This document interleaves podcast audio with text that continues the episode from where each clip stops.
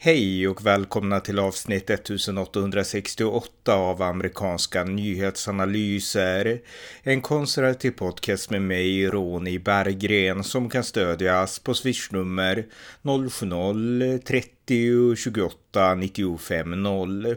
Här följer en uppdatering om det senaste i USA tillsammans med min svensk-amerikanske kollega Björn Nordström från Arizona. Varmt välkomna! Björn Nordström, välkommen!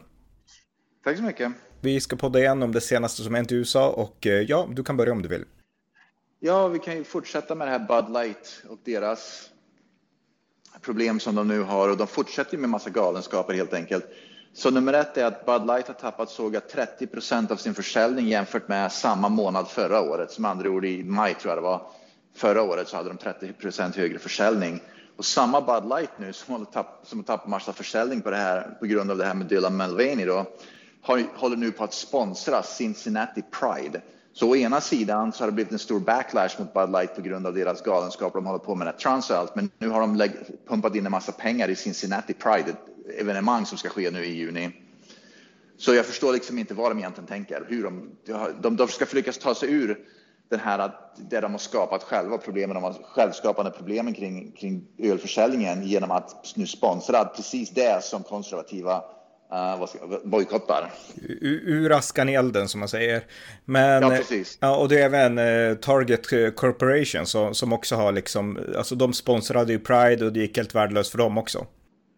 Ja, jag såg också att Coles, Coles är också en affärskedja, framförallt klädesaffär. Och Coles har nu börjat sälja Pride-kläder för småbarn och bebisar.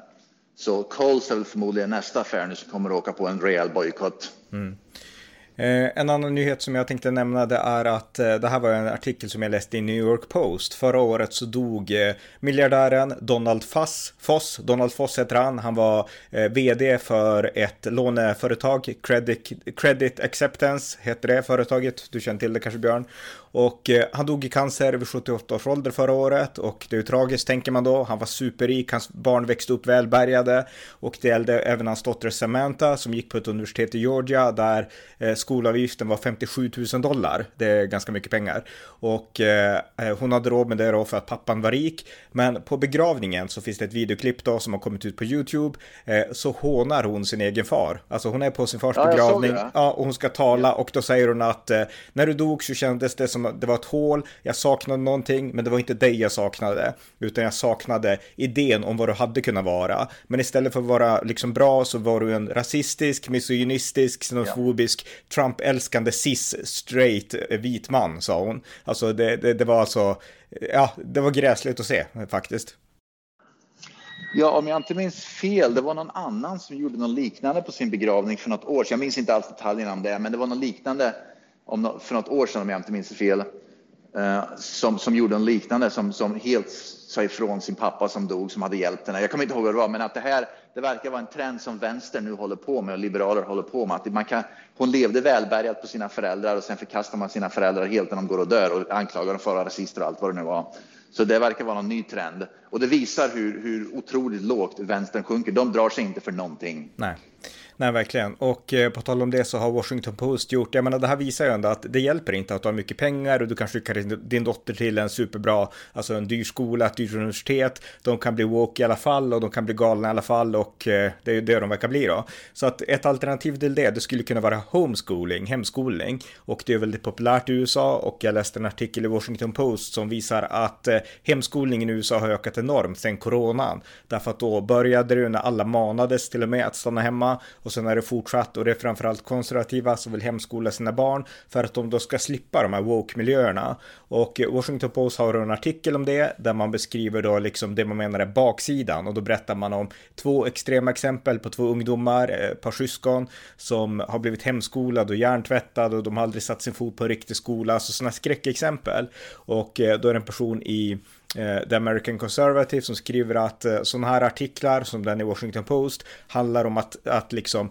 eh, bortförklara det faktum att det finns otaliga barn i allmänna skolor som inte har det bra i de allmänna skolorna och eh, måla upp den här eh, svartmålande, demoniserande bilden av vad hemskolning faktiskt är. Och jag är helt beredd att hålla med kritikerna då till den här artikeln. Och jag tänkte bara fråga dig, jag menar din bild av hemskolning, den är positiv gissar jag? Ja, absolut. Vi pratade, jag tror vi hade en podd för några månader sedan där vi pratade mycket om hemskolning och varför många hemskolar. Och en anledning till, två anledningar till nu varför, varför allt fler börjar hemskola. En anledning till att det begår allt mer våld i amerikanska skolor. Så föräldrar är helt enkelt rädda för att deras barn kommer att bli utsatta för våld i skolan. Inte bara mobbning utan för fysiskt våld eller skjutningar. Så det är ju en anledning. En annan stor, ännu större anledning som har växt fram de senaste kanske två, tre åren det är ju att allt fler föräldrar inte vill ha sina barn i woke-skolor. De vill inte att barnen ska hjärntvättas av det här woke-rörelsen och enda sättet att få att skydda barnen från hjärntvätten, de skyddas inte längre av staternas skolor, tvärtom. Till exempel Kalifornien, New York då, där undanhåller ju skolor och lärare och, och, och kommuner information från föräldrar angående barn, till exempel om barnen med könsbyte och liksom allt sånt där. Va? Så att föräldrar ser enda chansen att skydda barnen från att bli utsatta för, för indoktrinering och hjärntvättning i skolor, det är att hemskola dem helt enkelt. Va? Därför att statens uppgift, delstatens uppgift att skydda barn, eh, delstaten lever inte upp till det längre helt enkelt. Va? Och, det, och i, USA är det ju delstaten som står för, liksom, det är de som styr skolorna, inte staten.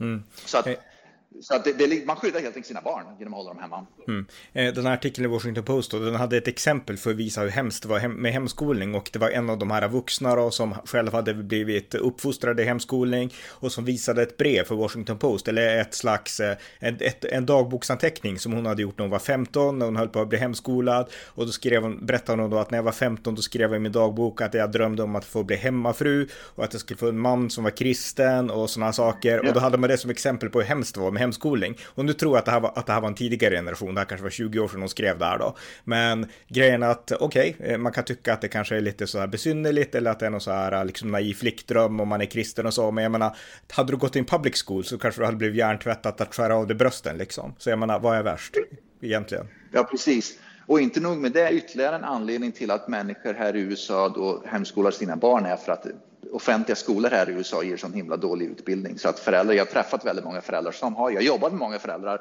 som hemskolar sina barn. Alla säger rakt ut att utbildningen var så dålig. Det var så dålig kvalitet, det var så dåliga beteenden bland elever. Det var, det var liksom, vi kunde inte lära oss någonting, så att det enda sättet att liksom få våra barn att lära sig någonting och verkligen kunna införskaffa sig kunskaper var att, att hemskola dem.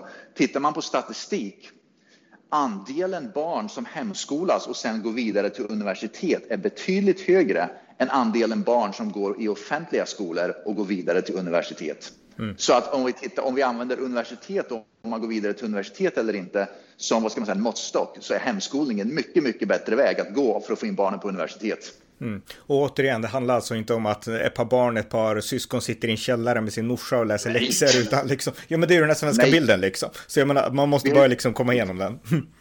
Vi har ju pratat om det, vi, mm. tog upp det här förut. De ska, de, hemskolorna, för det finns ju sådana här grupper då, inte bara Facebookgrupper utan grupper i, i in real life, i verkligheten då, där man träffas varje, liksom varje skoldag mellan 8 och 5 på ett bibliotek eller hemma hos någon. Och så har man någon person som undervisar eh, eh historia och så har man någon annan som undervisar matte och så har man någon annan som undervisar eh, något annat ämne. Va? Sen så går man till det lokala gymmet och så har man eh, idrott eller så går man till lokala, liksom, så, så man, man har liksom en hel en, en, skoldag, precis som en normal skoldag, fast den, den arrangeras på ett helt annat sätt. Mm. Det handlar, det handlar om att skapa en trygg miljö, inte om att liksom avskärma med barn från kompisar och sådana saker, utan bara om att ha en trygg miljö.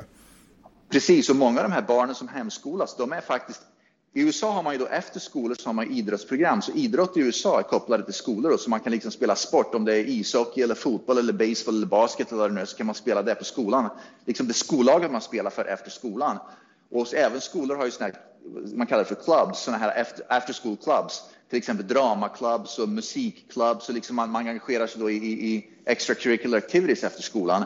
Så många, många hemskolade barn gör hemskolningen då via sådana här de kallar för cooperatives, co-ops. Mm. Och sen så går man till skolan när skolan, skoldagen är slut och så spelar man baseball med laget eller så spelar man liksom basket med laget eller så är man med i dramaklubben där till exempel. Mm. Så att man, man deltar i de aktiviteterna som man kanske inte har uh, som man inte kan få genom homeschooling. Så att man liksom tar det bästa av två världar. Här i Arizona såg jag till och med, om man hemskolar, hemskolar sina elever så får man till och med pengar därför att man måste kunna då betala så eleverna här i delstaten Arizona, i Vermont fungerar inte så tror jag, men här i Arizona funkar det så att då får man en, en, en summa pengar som man kan betala för att liksom anlita lärare för att hemskola barn. Man kan, så man kan köpa de läromaterialen som man behöver för att hemskola sina barn.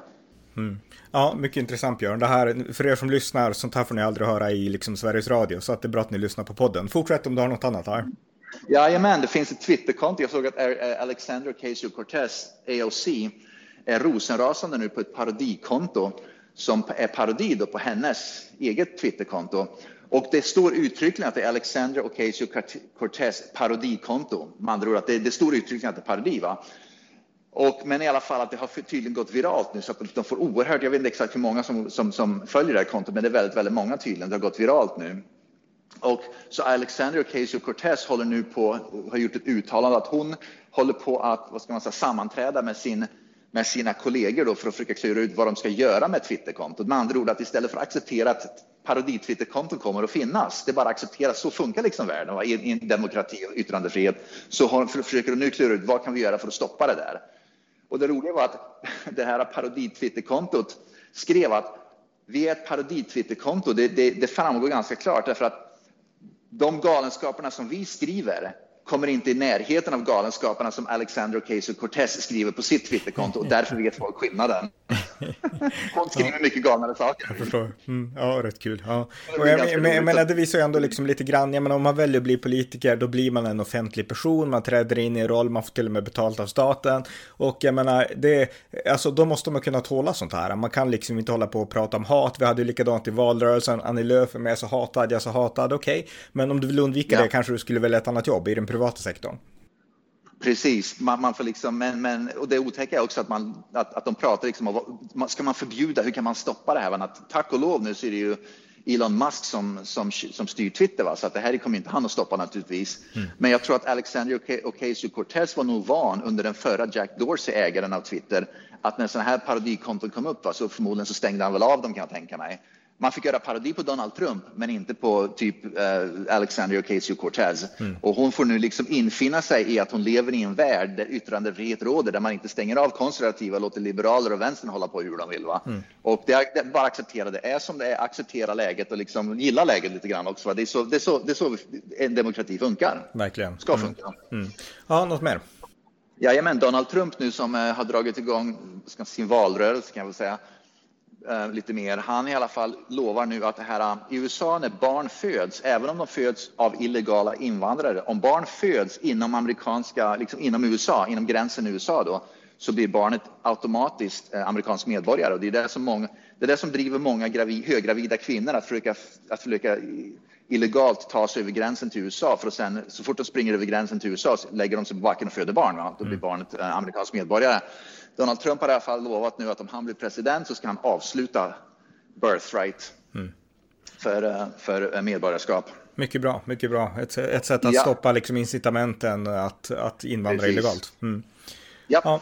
och jag såg att på tal om uh, presidentskapskampanj. Jag såg att eh, Ron DeSantis, eh, han konstaterar att amerikanska militären är väldigt woke och det stämmer ju faktiskt.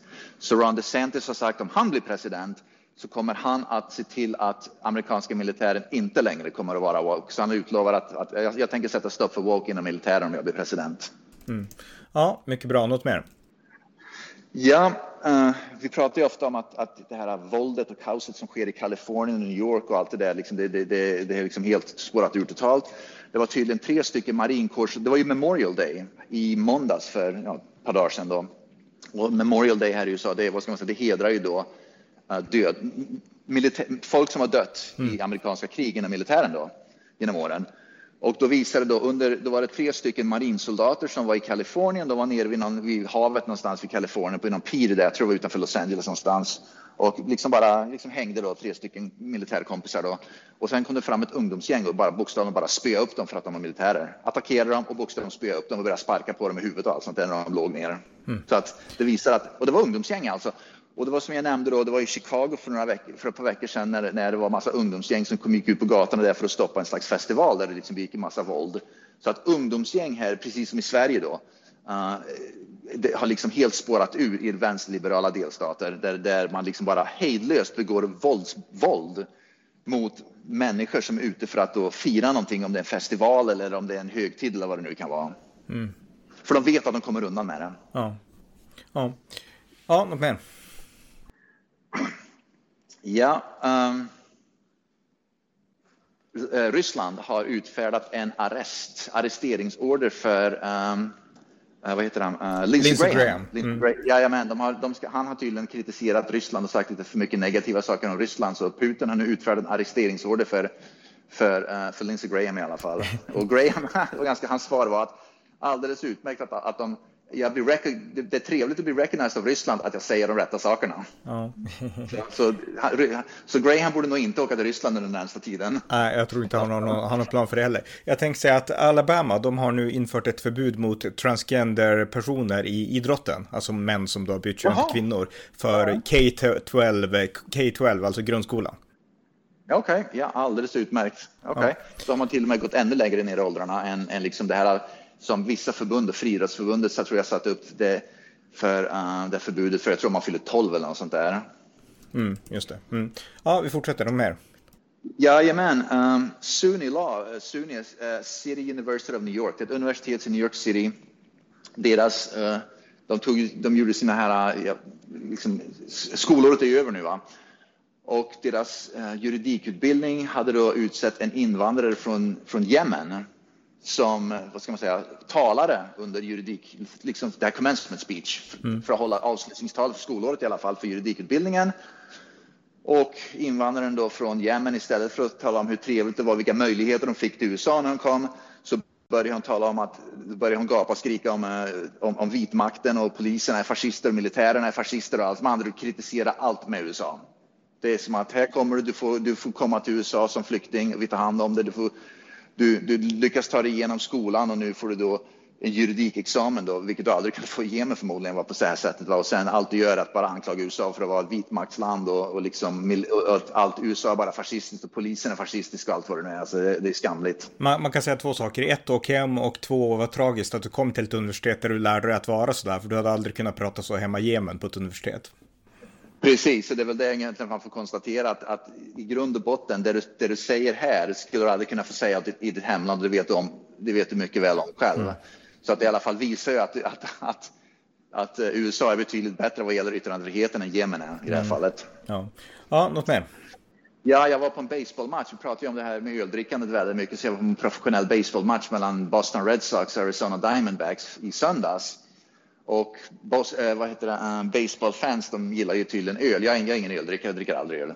Men uh, baseballfans dricker mycket öl, de diggar öl tydligen.